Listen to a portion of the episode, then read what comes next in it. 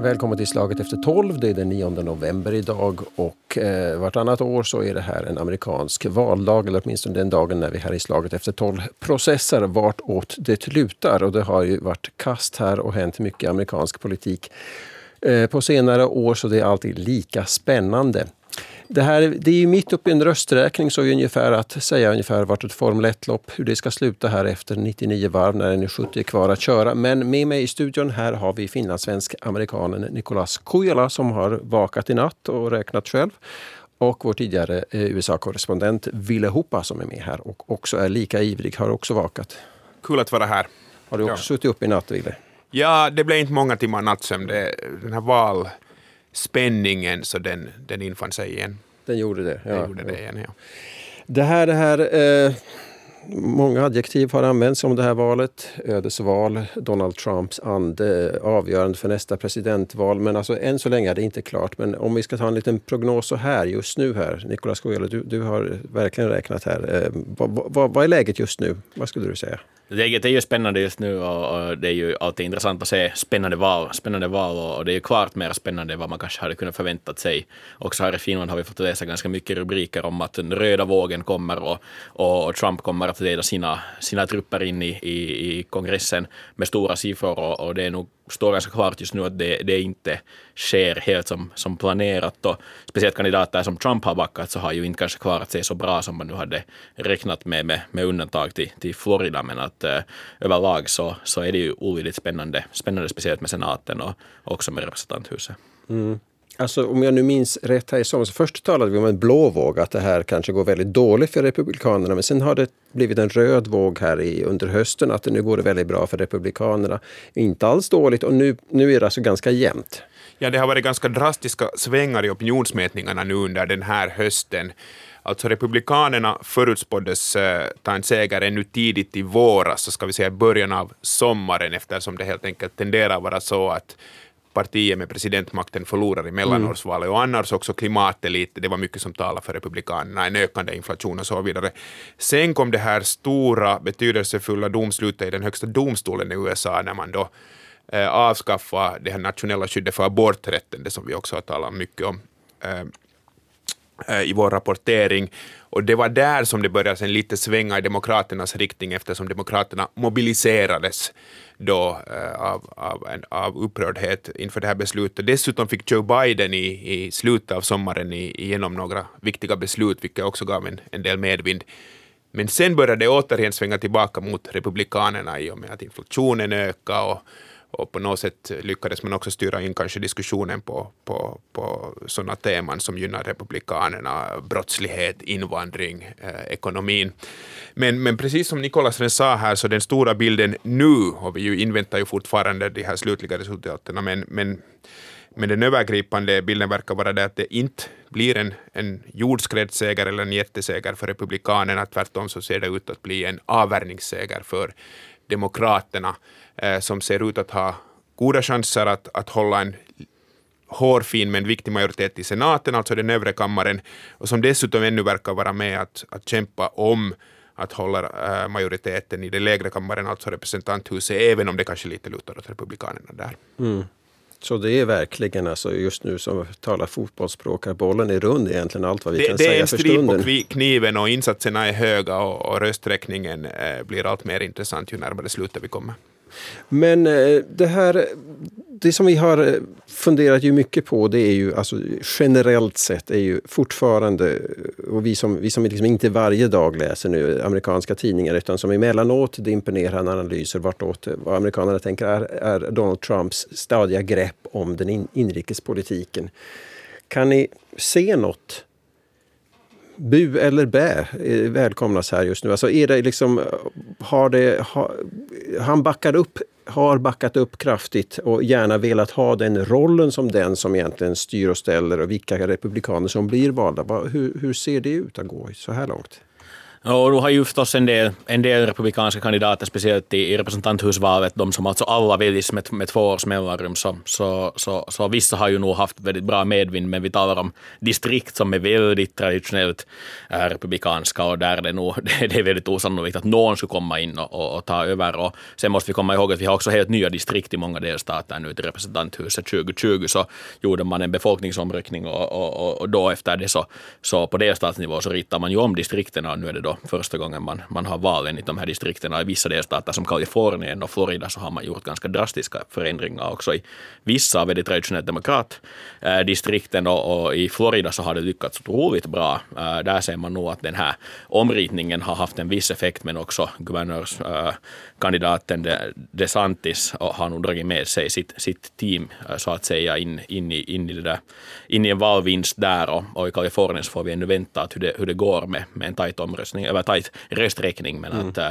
men att eh, det, det ser ut mer och mer att, att Trumps stöd, öppna stöd i valet inte nödvändigtvis är, är det bästa. Sen kan man ju också fundera på att, att vad kandidaterna har gått ut och säga.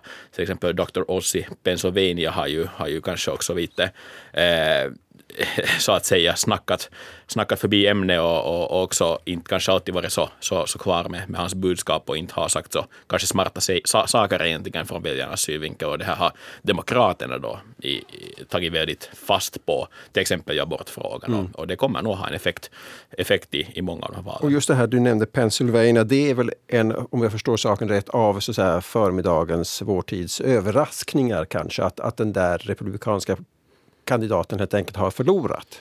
Ja, jag, jag kanske inte säga direkt överraskning. Jag tror nog att man kunde förvänta sig en vinst där, men att det kom så snabbt med, med en så klar marginal, så det, det är kanske nog kanske större överraskning, åtminstone för mig. Ja, det har väl på slutrakan, det här valet har ju uttryckligen fått jättestor uppmärksamhet, just precis eftersom Pennsylvania är en, en så jätteviktig delstat i amerikanska val och har varit det redan länge. Det väger jättejämnt mellan republikaner och demokrater. Det här racet lutat demokraterna i början av, uh, av hösten, men, men uh, ju närmare valdagen vi har kommit så har republikanska kandidaten, den här kändisläkaren Mehmed Oz, allt mer knappa in på det här försprånget, så det stod väl ganska jämnt här och till och med vägde åt det republikanska hållet, så att kanske en liten överraskning i förhållande till de här sista förhandsförväntningarna, men en mycket viktig seger eh, för Demokraterna i Pennsylvania. Den här senatsplatsen kan vara avgörande och torde vara avgörande om, om Demokraterna, observera om man, mm. de, de lyckas hålla den här Eh, smala majoriteten.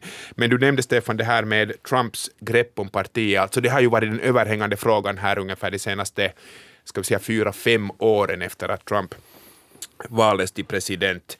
Eh, hur stark är den här Trump-falangen? Nu när vi tittar på det resultat som har kommit in här så är det ju en ganska brokig bild som träder fram och inte alls en särskilt smickrande bild för Donald Trump.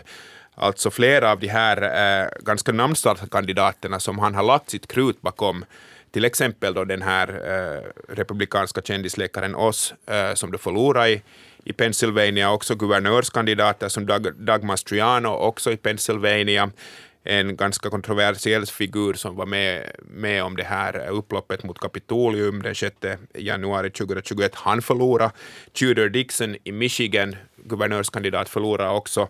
Så att eh, det kommer nog att bli ett diskussionsämne här, att hur mycket Trumps stöd fortfarande väger inom partiet, så att den här diskussionen, den här långa diskussionen om Trumps grepp inom partiet, den, den fortgår. Och när jag tittar här lite på de följa följer med de amerikanska medierna så riktas ju flera anklagande finger redan bland vissa republikanska debattörer och kandidater mot Donald Trump eftersom han eh, helt enkelt tar så mycket utrymme och tagit så mycket utrymme också i det här valet eh, genom hans stöd till diverse kandidater. Mm, för det tror jag väl, det är väl för många här hos oss är ju egentligen det, kanske det som är den här miljondollarsfrågan här, vad vi funderar på i det här valet. Vi som inte kan alla de här kandidaterna med namn och inte liksom har den där genomblicken. Att är det så att liksom, det, det händer bara det som Donald Trump vill. Och, så, det, det, och nu förstår jag det rätt då, alltså att han kan både vara flöte och sänke egentligen? Det är inte riktigt, jo, inte riktigt för, klart alltså. Man för ju statistik över precis överallt i USA och jag tror att de, de mest detaljerade kartläggningarna visar att det är ungefär 50-50, eller ska vi säga att, att, att de flesta kandidater som Trump har stött har klarat sig, men då är ju Trump också ganska kalkylerande. Han går ju ofta in och stöder kandidater som mer eller mindre är bergsäkra på, eller de kan vara säkra på att bli invalda helt enkelt för att frisera sin egen statistik och för att hans stöd ska verka viktigt. Men nu talar vi då alltså vissa sådana här riktigt 50-50 val, mm. där Republikanerna av allt att döma är på väg att förlora i det här valet. Eh, och, och det är föga smickrande för Donald Trump. Ja, jag håller med och sen kan man ju se på slantens andra sida, eh, de som har varit kraftigast emot Donald Trump i, i inrikespolitiken, som Liz eh, Cheney till exempel, som förlorade sitt eget primärval i Wyoming med, med, med, med braksiffror, som har då gått och snackat för demokrater i det här valet. Till exempel Abigail Spanberger i Virginia kommer att, eh, kommer att vinna, vinna och, och, och det att en, en tidigare republikan äh, av, av hög profil går och, och snackar mycket bra om, om demokrater och, och dessutom vinner de här demokraterna, så, så det är också en stor grej och, och, och en, en kanske liten symbol där att, att uh, Trump inte har helt 100 procent eh, allting i sina händer, utan att de som vågar stå upp mot honom så kan också orsaka skada till partiet. Mm. Och, och, så har det också hänt i, i vissa, vissa fall nu i det här valet. Samtidigt kanske vi ännu kan tillägga att det är säkert ännu för tidigt att sätta punkt för för sagan om Donald Trump som politisk figur i den amerikanska politiken. Eh, jag, jag kollar just här eh, lite siffror. Det verkar vara så att eh, åtminstone hundra så kallade valförnekare, alltså republikanska kandidater som har bestridit Joe Bidens seger i presidentvalet, som har köpt Donald Trumps lögner om för det förra presidentvalet, som har sökt Donald Trumps, äh, Donald Trumps stöd. Så ett hundratal av dem väljs in i olika organ, alltså nationellt sett, mm. inte bara i kongressen eller så här. Så att den här, den här falangen har nog fortfarande makt kvar också efter det här valet. Mm. Mm. Ska vi säga något om Florida också? För där var det tydligen intressant vem som, vem som styr framöver. De kanske mest entusiastiska har redan gått att säga att Florida inte efter det här valet ska ses som en, en vågmästardelstat. Det är kanske lite tidigt att säga så. Det går ju lite från, från era till era, men, men DeSantis gjorde nog ett sånt brakval också, också överlag republikanerna i, i, i de olika valen där, så kan man kanske konstatera att, att han har nog tagit över, DeSantis har tagit över delstaten och, och, och säkert diskussionen om att vad är, vad är nästa steg kommer att gå ganska hett till. Han har kanske varit en av de här topp utmanande till Trump också i 2024 presidentval inom Republikanerna. Och det här valet visar att, att han om någon har lyckats faktiskt få få folket ut och rösta. Och, och till exempel i, i, i Florida, i Miami-Dade, så Eh, har man lyckats få en republikansk majoritet eh, första gången på 20 år, nästan 30 år. Så, så det är ju stora grejer som, som sker i Florida och, och kommer säkert att ha en ganska stor effekt på vad som händer under de kommande, kommande månaderna och åren inom republikanska partiet och, och där finns klart en stor, eh, en stor utmanare och, och inte, inte minst för att Trumps delstat ju också är Florida så att det är mycket spänning där men att Florida blev väldigt rött över natten och, och man kunde kanske på många sätt förvänta sig att det kommer att bli det, men siffrorna tycker jag åtminstone att det är ganska, ganska klara för typ tillfället. Ja, du nämner alltså Ron DeSantis och för de lyssnare som nu inte följer med så här dag för dag så kan vi väl säga att han är då alltså Floridas guvernör som har haft en hel del uppmärksamhet på sig och som nu då valdes om eh, med bred marginal. Och det är nog en man att hålla ögonen på. Alltså Ron DeSantis har redan länge utpekats som kanske den mest potent potentiella utmanaren till Donald Trump i ett eventuellt republikanskt primärval inför nästa presidentval. Han är en alltså ganska populär, populär guvernör i Florida. Han har anammat flera av Trumps de här ganska hårdnackade populistiska eh, principer, men han är mera återhållsam och han är inte lika kontroversiell i många ögon som Donald Trump. Så att med det här valresultatet, alltså att det går ganska dåligt för flera eh, sådana synliga Trump-stödda kandidater och eh, en brakseger för Ron DeSantis så kommer nog de här spekulationerna att öka om DeSantis på väg att bli den mest, eh, ja, kanske en, en, en, en, verkligt stor utmanare för, mm. för Donald Trump inför nästa presidentval. Ännu om Florida, du nämnde, vi har ju ofta talat om Florida också som en vågmästardelstat. Jag besökte alltså Florida inför det förra presidentvalet och, och, och åkte just till Miami. Det här var alltså hösten 2020. Och det var nog anmärkningsvärt hur starkt stöd Trump hade i den här regionen där det, observera, finns också väldigt många med invandrarbakgrund, men särskilt bland latinoväljare, många sådana exilkubaner och deras eh, släktingar som har, som har flyttat till Florida. Så de, de stödde nog Trump och, och, och, det här, och orsakerna var där var att de hade den uppfattningen att Demokraterna står för socialism och, och, och i deras tankevärld var förstås socialism förknippades med någonting väldigt, väldigt dåligt eh, med tanke på bakgrunden i Kuba och så här. Eh, och annars också så såg de väldigt suspekt på, på, på, på Demokraterna. Så att eh, just nu så verkar nog Republikanerna ha ett ganska starkt grepp om, om Florida. Men alltså innan, utan att nu sen ska fördjupa oss allt för mycket just i Florida. Alltså, förstår jag det rätt, ska man se det här tydliga resultatet på en möjlig utmanare till Donald Trump i en möjlig framtida presidentvalsomgång. Är det, så här, är det, är det emot Donald Trump? Eller är det ett problem? Eller är det, så här, är det samma skrot och korn? Eller är det, så här, är, är det här alltså... Är det, är det en Trump i ny tappning som vi har att har att göra ja, med där. och har de alltså genom att rösta, mm. Eh, invånare i Florida, genom att rösta på den här Ron DeSantis, har de så att röstat mot Trump? Jag tror inte att man ska tolka det som så, utan man ska se det som så att, att Ron DeSantis var en mycket synlig och omtyckt guvernör under coronakrisen, där många i Florida upplevde de här restriktionerna som alldeles överdimensionerade. Han var en av de första som gick emot de här restriktionerna. Han har haft en mycket hård linje gentemot invandringspolitiken, där attityderna överlag har hårdnat väldigt mycket. Uh, och han har inte haft några stora misslyckanden också. Han har hållit ganska hög profil, så att uh, det, är dels, det är nog ett stöd också för för Ron DeSantis. Eh, och så hade han en ganska svag, kan jag tycka, också motkandidat i det här guvernörsvalet mm, mm. på den demokratiska sidan.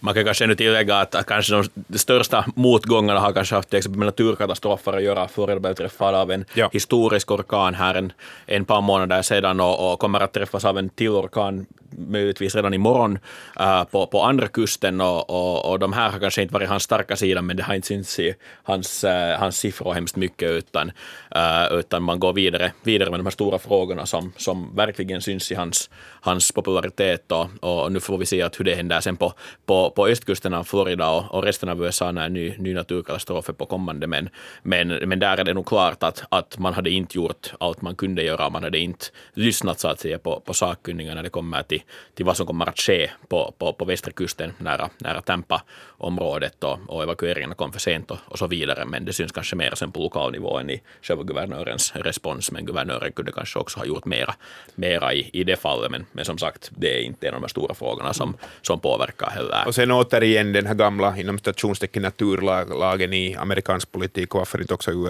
utanför USA. Alltså de som sitter på makten, sittande guvernörer, senatorer, kongressledamöter, de har ofta en naturlig fördel eftersom de har redan byggt upp en viss eh, infrastruktur, de har sina stödtrupper, de har ofta finansiering att, att inhämta och de vet hur de ska få synlighet. Så det är alltid svårare att, att gå in som utmanare i de flesta guvernörsval. Mm.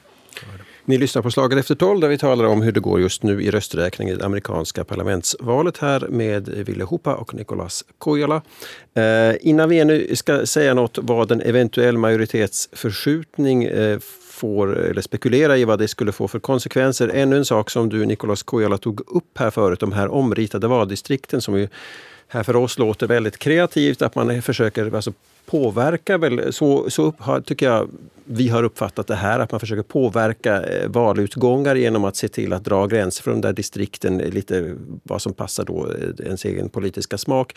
Har vi, finns det några tecken på så här långt att det faktiskt har, du var inne på det lite grann, att, att det har så att säga, att det har förändrat utgången? Vet vi någonting om det redan? Det är väldigt svårt att spekulera för valet ska ha sett ut med, med gamla distrikten. De mm. ritas ju om med, med, med jämna mellanrum och, och, och spelreglerna är samma för alla. Det vill säga det är de som kontrollerar delstaten som, som bestämmer också hur distrikten ser ut. Så här är det inte i alla delstaterna att man kan sådär bara gå och rita om. Men, men i vissa delstater så går ju distrikten enligt eh, nästan på på liksom helt detalj, detaljplan, det vill säga man ser på, man ser på husen, man ser på stadsdelarna och, och så ritar man på basis, på basis av att hur kan man kanske gynnas mest, mest här och, och, och det, det, går helt in till spekulationer att hur det skulle kunna se ut uh, egentligen om, om man inte skulle ha gjort de här, de här förändringarna. Men, men i vissa ställen som till exempel Kalifornien och Florida så har man ju förstås försökt uh, så bra som möjligt uh, få ja. det att och, och, och bli så att, att de så att säga så till exempel demokratiska, klara valdistrikten så gör man mera demokrat, liksom, för, för demokraterna och sen så tar man lite härifrån för att stärka sin egna position om man är till exempel republikan. Och, och, och där handlar det bara om att, att stärka sina egna intressen mm. och, och alltid fungerar det förstås inte. Det beror på vem som går och röstar. Valdeltagandet är väldigt lågt i USA jämfört med många europeiska länder.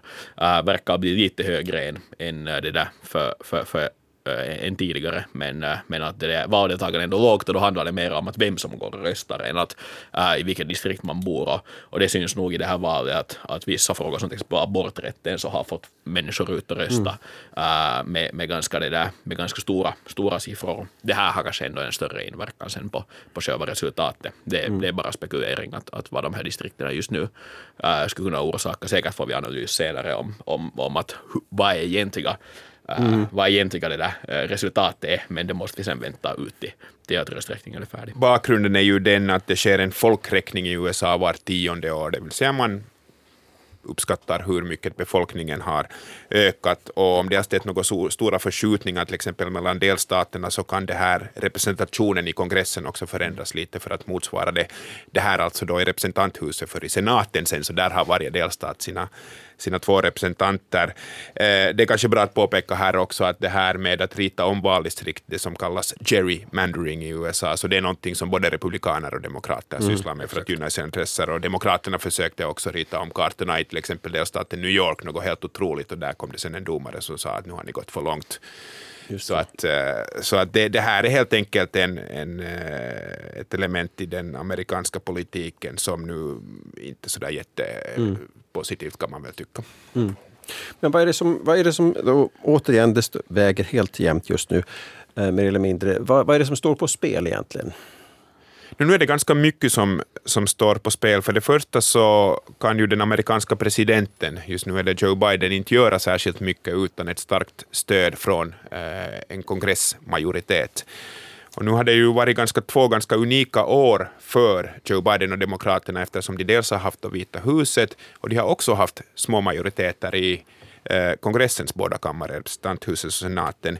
Nu vet vi som sagt inte ännu hur det kommer att gå, men om vi nu får en situation som verkar sannolik, det vill säga att demokraterna håller en knapp majoritet i senaten men förlorar representanthuset återigen, vi vet inte om det kommer att gå så här, men om det går så här att man tappar representanthuset, så det är klart att vi då kommer att se mer, eh, en, eh, liksom helt enkelt, Joe Biden blir vingklippt eftersom flera lagförslag eh, kräver ett godkännande, majoritetsgodkännande både i representanthuset och i senaten. Och de här partierna står så långt ifrån varandra så att man röstar väldigt sällan med det, det andra partiet och det betyder att republikanerna då i, ett, i en sån här situation kan, kan rösta omkull äh, lagar som Joe Biden vill driva igenom i, i, i egenskap av att de har majoritet i representanthuset. Och kommer du göra det av förmodligen av ganska mycket princip. Alltså, ganska vad, mycket av principskäl. Det, det är den här omtalade polariseringen. Alltså ja. det, det, det, finns helt enkelt ett så starkt motstånd gentemot demokraterna bland alla, nästan till alla republikaner. De står så långt ifrån varandra. Och, vad, och vad, åt vilket håll skulle ni... Skulle, vad, vad, vad, vad händer? Alltså, jag menar, de, de röstade om vilka, vilka förslag är det då som inte blir av och, och vilket håll? Och, givet nu att det blir den här att Republikanerna får som väntat ett svag marginal där, vilket vi inte vet ännu riktigt. Nu har ju Biden haft ändå ett antal republikaner på sin sida i de här riktigt stora reformerna, eh, så det har inte varit helt helt superdelat, mera i senaten där man kanske också lättare får sina, sina ledamöter i rang. Det är lite färre ledamöter där och, och där har Biden nog haft problem också med sina egna, till exempel demokratsenatorn från West Virginia, uh, Manchin har, hör, hör kanske till den mest konservativa eh, av, av demokraterna och, och, och det där och där, där har man sett att han har pressat ganska mycket faktiskt sin egna president och sin egna grupp och med en väldigt knapp majoritet av 50 mot 50 mm. där, där vicepresidenten som är demokrat avgör röstningar så har man kunnat utpressa mycket. Men äh, blir det en så här knapp majoritet i representanthuset så kommer det nog vara svårt för republikanerna också att hålla sina rang. Eh, det kommer åtminstone finnas mycket utpressning, men, men, men viktigaste frågorna gäller till exempel budgeten som, som behandlas i, i representanthuset och där är det nog bra att ha majoritet om man vill få mm. äh, stora, stora reformer igenom och, och, och det, det är ju helt klart att, att har man majoritet där och, och, och sen, sen det där minoritet i senaten och, och presidenten och, och orsakar liksom en, en fördelad kongress så, så har man ändå mycket, mycket mer makt än i den här situationen om man är republikan. Ja. Men, eh, men, men det är som sagt eh, det är upp till också att hur man får sina egna, egna att, att, att hållas bakom sig och att få de här stora, stora frågorna så att man har tillräckligt stor majoritet. Rent konkret kan vi ta, har ju Republikanerna talat om att eh, avskaffa vissa av de här eh, klimatreformerna till exempel som, som Joe Biden har drivit fram. I och för sig så har sen presidenten fortfarande ett veto ifall Republikanerna skulle försöka sig på någonting. Eh, och om det har varit så att en till exempel polisreform eller invandringsform har verkat avlägsen för Demokraterna så kan man nog säga att det kommer att vara ännu svårare att driva igenom någonting på de här områdena eh, om Republikanerna vinner ett eller två av de här kamrarna i, i, i kongressen. Eh, men Nikolas nämnde någonting intressant här och det är det att just nu när vi tittar på de här siffrorna, vi har alltså inte ett slutligt valresultat, så ser det ut som att Republikanerna får en ganska smal majoritet i representanthuset om de ens lyckas vinna mm. det. Och eftersom det finns liksom två olika grovt taget falanger inom Republikanerna, den här populistiska Trump-kramande falangen och sen kanske en lite mer Eh, moderat falang, så kommer, så kommer de här spänningarna troligen att öka eftersom varje röst kommer att bli så viktig. Och, och, då kommer det nog att bli svårt för Republikanernas ledare i representanthuset, om det nu sen blir Kevin McCarthy eller någon annan, att, att hålla ihop det här äh, gänget. Mm. Och det som förmodligen eh, de flesta tänker på dessa dagar är ju då det här stödet till Ukraina. Som ju USA har varit den överlägset största leverantören av vapen och också den största givaren av pengar. För att, och det är ju det som har, gör att Ukraina än idag här står upp mot Rysslands angrepp. Um, vad händer där? Vad, vad vet vi om det?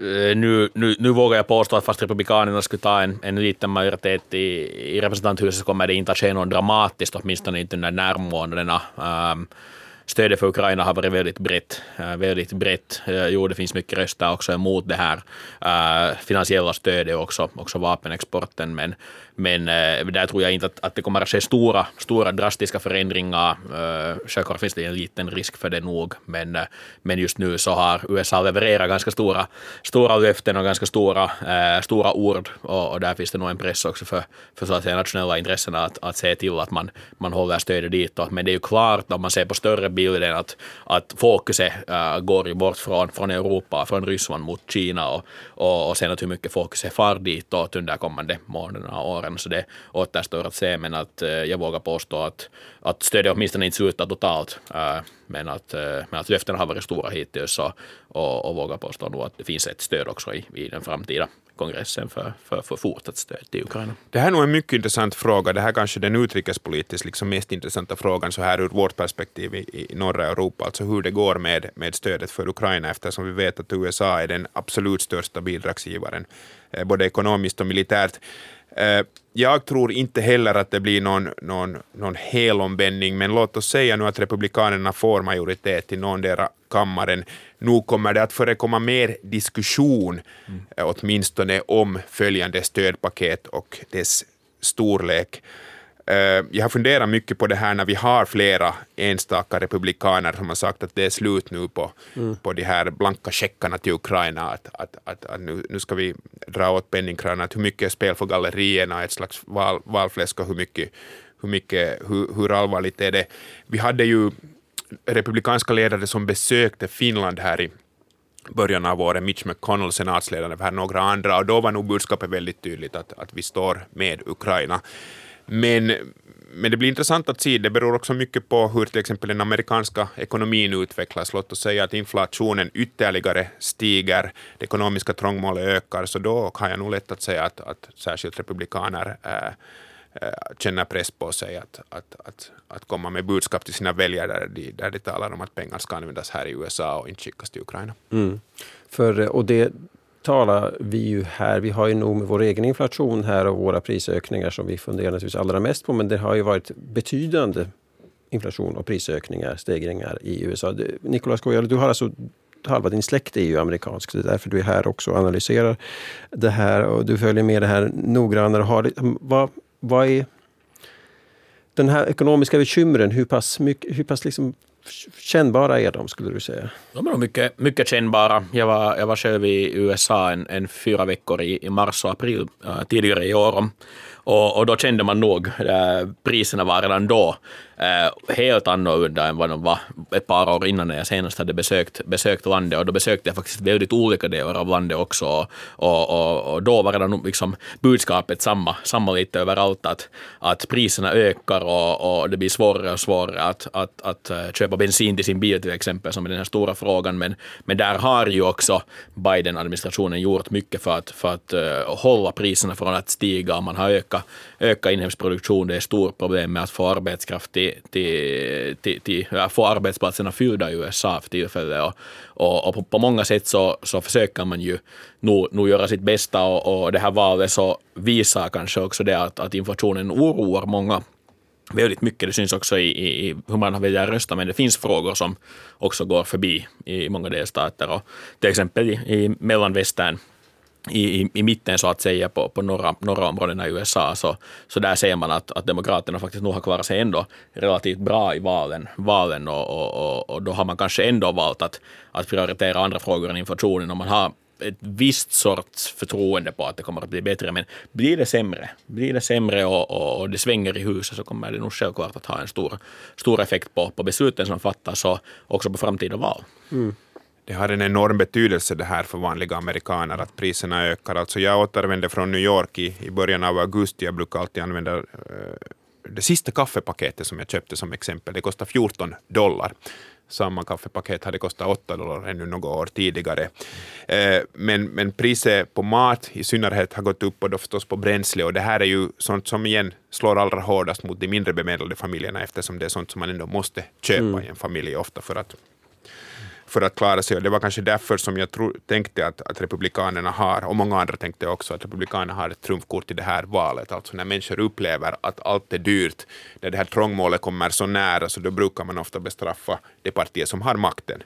Eh, eh, men nu verkar då Demokraterna ta en, en, en, en, en avvärjnings seger eh, och vi får se hur det här läget utvecklats. Du sa att Biden har, Biden-administrationen har gjort mycket för att bekämpa inflationen. Jag skulle kanske lite vilja ha en annan åsikt där. Alltså jag tycker Biden har varit ganska vag i sina budskap när han har fått den här frågan. Vad tänker du göra för att göra det enklare för, eh, för amerikanska familjer? Eh, I och för sig kan man ju argumentera för att en president kan göra ganska lite eftersom det är i sista hand centralbanken Fed i USA som till exempel kan justera justera eh, räntorna. Och, men en helt fråga är sen hur mycket man överlag kan anklaga Joe mm. Biden och Demokraterna för att priserna stiger, eller har det att göra med globala konjunkturer? Eh, nu är väl eh, nationalekonomer lite delade där. Man anser väl att den här väldigt starka stimulansåtgärderna som man, som man vidtog i samband med coronakrisen har haft en viss effekt på att priserna har ökat, men, men det är kanske inte hela förklaringen. Mm. Svårt att säga så här långt. Eh, det här är nu det första, eh, innan vi skiljs åt här i slaget efter tolv för dagen, här, en eh, tema som jag tänkte ta upp ännu och det är ju att här är det nu första valet efter den här stormningen av Kapitolium. Den här 6 januari förra året. Då. Alltså en, en folkmassa trängde sig in i parlamentsbyggnaden för att kullkasta det här fastställandet av valresultatet och att Donald Trump skulle ha förlorat förra presidentvalet. Och vi minns alla dessa eviga anklagelser om det stulna valet som vi fortfarande många amerikaner tror på, om, om falska valresultat och fusk och så vidare. Ryssland har erkänt att man har försökt påverka och spöka. Vad det nu sen är exakt vet vi inte. Men vad skulle ni säga? Det här, hur, är, hur mår demokratin just nu här en sån här dagen efter valet? Har, var det liksom, har, känns det att det här nu, amerikanerna tror på det här systemet? Det finns ju de som, eh, som nu redan anklagar för att valet är stulet. Och, eh, uh, det har funnits, speciellt i Nevada har man haft också lite, Arizona och vissa andra delstater så har man haft problem med att få de här röstningssystemen att fungera och, och direkt så, så var, ju, var ju Trump och, och, och hans anhängare nog ute och, och säga att det här, det här är nog liksom valfusk och nu, nu liksom är vi på väg mot ett, ett till val som, som är stulet av, av republikanerna men, men uh, men eh, än så länge så verkar det ju som att, att allting ändå går som, som det ska och det finns ingen, inga, inga konkreta mm. eh, signaler på att något sånt här valfusk skulle vara på gång utan att, utan att allting som, som kanske ser konstigt ut, man har ju kanske lite extra öga på allt sånt här, allt lite dramatik som sker på röstningsplatserna så, så, så kommer upp i media, ja. i internationell media och, och, och, där så handlar det nog närmast om, om små tekniska problem och, och små problem med att, att få allting att fungera som det ska och det är ett stort land uh, med, med, med komplicerad infrastruktur och då, då sker sådana här grejer. Men det finns nog vissa anklagelser redan på att, att det kanske ska ske lite valfusk uh, och, och, och, det där, och de anklagelserna ska man kanske ta med en liten nypa salt. Uh, säkert kommer vi nog att se i vissa delstater som Pennsylvania, Nevada, Arizona, kanske mm. Georgia, uh, nog, nog det där fall som försöker man försöker ta dem till domstol. Men, men som i senaste valet 2020 så, så vågar jag påstå att de här nog kommer alla att antingen inte bli behandlade av domstolen eller så kommer det att falla med ganska, ganska lätta, lätta domar. Jo, det här är nog i högsta grad en, en legitim fråga. Alltså, vi har då ett parti, eh, Republikanerna, där en betydande falang eh, inte vill erkänna legitima valresultat, som fortfarande alltså eh, inte har velat erkänna att Joe Biden är en legitim president. Eh, och flera av de här kommer att väljas in eh, också i olika, olika eh, organ och också till kongressen. Eh, sen skulle jag, brukar jag påpeka här att när man talar om att är den amerikanska demokratin på väg mot en kollaps? Alltså jag skulle vilja säga att amerikanska demokratin redan har skadats avsevärt de senaste åren. Eh, dels har vi då ett parti där det finns flera av de här valförnekarna. Tilltron till demokratin har sjunkit både bland, paradoxalt nog, både bland demokrater och republikaner. Eh, hot mot oberoende valfunktionärer som bara är ute efter att räkna röster har ökat markant. Eh, föraktet för olika institutioner har ökat. Om inte det här är tecken på att, eh, på att det finns eh, problem med demokratin i USA så vet jag inte vet jag inte vad som är. Samtidigt finns här ju också en paradox att medan vi talar om att den amerikanska demokratin är i kris så har valdeltagandet varit rekordhögt både i det föregående presidentvalet, som dessutom genomfördes under en coronapandemi, och om jag har tittat rätt så verkar eller hur valdeltagandet också i det här valet vara väldigt högt. Så att samtidigt finns det en tro ändå bland mm. väljarna att det går att påverka genom val och det får man väl se som positivt om man oroar sig för demokratins tillstånd.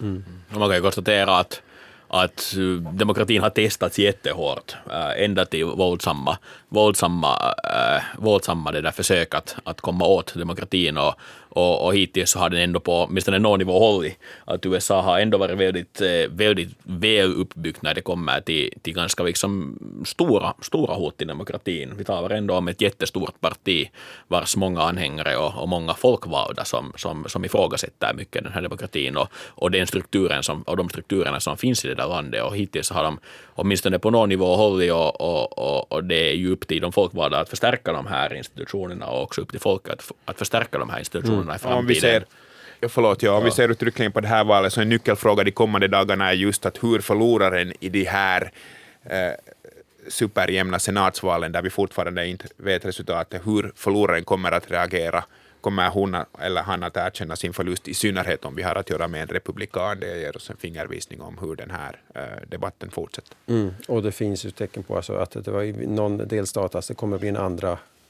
Jo, i, George, i senatsvalet i Georgia går vi troligen mot en andra omgång eftersom den delstaten har en sån lag som förutsätter att någondera kandidaten får över 50 procent i, i den första omgången. Nu ser det ut att vara så jämnt så att förmodligen kommer eh, både Raphael Warnock och Herschel Walker att stanna under 50 procent och då blir det ett nyval om en månad tror jag det var. Då är det i början av december precis och om det då är just en röst, fortsätter. Om det då är just den rösten som skulle eventuellt tippa då den här senatsbalansen eh, från det ena till det andra så det, då, då sitter vi kanske här om en månad eller måste vi vänta en månad till innan vi vet om det har blivit Ja, alltså det verkar vara ett sannolikt scenario, scenario att det här nyvalet i Georgia avgör hur det går med med senatsmajoriteten i USA. Det här just nu verkar vara en, en, en ett ganska sannolikt scenario. Att, att det är det som blir den sist, till syvende och sist avgörande rösten. Och det här, återigen, bara ännu nu det påminner om det här, alltså den här, den här skadan eventuellt på något sätt. Men att ett högt valdeltagande är väl ändå ett tecken på att amerikanerna vill delta, vill rösta, vill hålla igång högt valdeltagande kanske i det här fallet relativt. För uh, amerikanska vi mått? Ungefär, ja, vi talar om ungefär 50, 51, 52 procent skulle jag våga påstå i det här valet. Så ja. att, eh, att uh, no, i Finland hade vi till exempel välfärdsområdesval med valdeltagande på de här samma siffrorna och då talar vi om rekordlågt. Så, så det är alltid relativt att, att vill man delta och, och, och det är ju väldigt ofta så att de som har det svårast så har också svårt att delta. Vi måste komma ihåg att USA har val på tisdag till exempel. Många arbetsgivare ger inte ledigt. Mm. Nu för tiden finns det mer och mer möjligheter att rösta uh, förhands, uh, med, med förhandsröstningsmetoder som poströstning, men de kanske ändå inte når de, de vissa folkgrupperna som, som de kanske skulle behövas mest. Så det finns en strukturer, det finns också mycket strukturer som, som orsakar att det är svårt att komma åt att rösta. Det krävs vissa sorters legitimation och, och, och annat från väljarna, så att alla sådana här grejer så, så, påverkar också till det att, att vem som registrerar sig för att rösta och, och, och, och vem som sen röstar sist och slutligen. Men, men, men absolut i amerikanska, äh, amerikanska det där mått så, så pratar vi om en hög valdeltagande, ett val, högt valdeltagande och, och av, en, av ett högt intresse att, att delta deltar nog i, i den här centrala demokratiska Man kan nu påpeka här att den starkast drivande kraften enligt både gallupmätningar, och det här märker man också när man talar med amerikanerna, eh, som får dem att, att rösta är antipatier mot det rivaliserande part, partiet, så att eh, det, det är liksom inte niver över det egna partiet, utan det finns helt enkelt antipatier mot antingen då Demokraterna om man är republikan och sen tvärtom som, får att de flesta, mm. som gör att de flesta går och röstar. Magkänslan, nu ska de få. Det här blir sista ordet i slaget efter tolv av Ville Hopa, vår tidigare USA-korrespondent som flyttade hem här i somras. Och eh, ni hörde också här Nikolas Kojola som är finlandssvensk amerikan och följer noga med. Jag heter Stefan Winiger. Vi hörs igen i slaget efter tolv. Tack för att ni lyssnade. Hej då!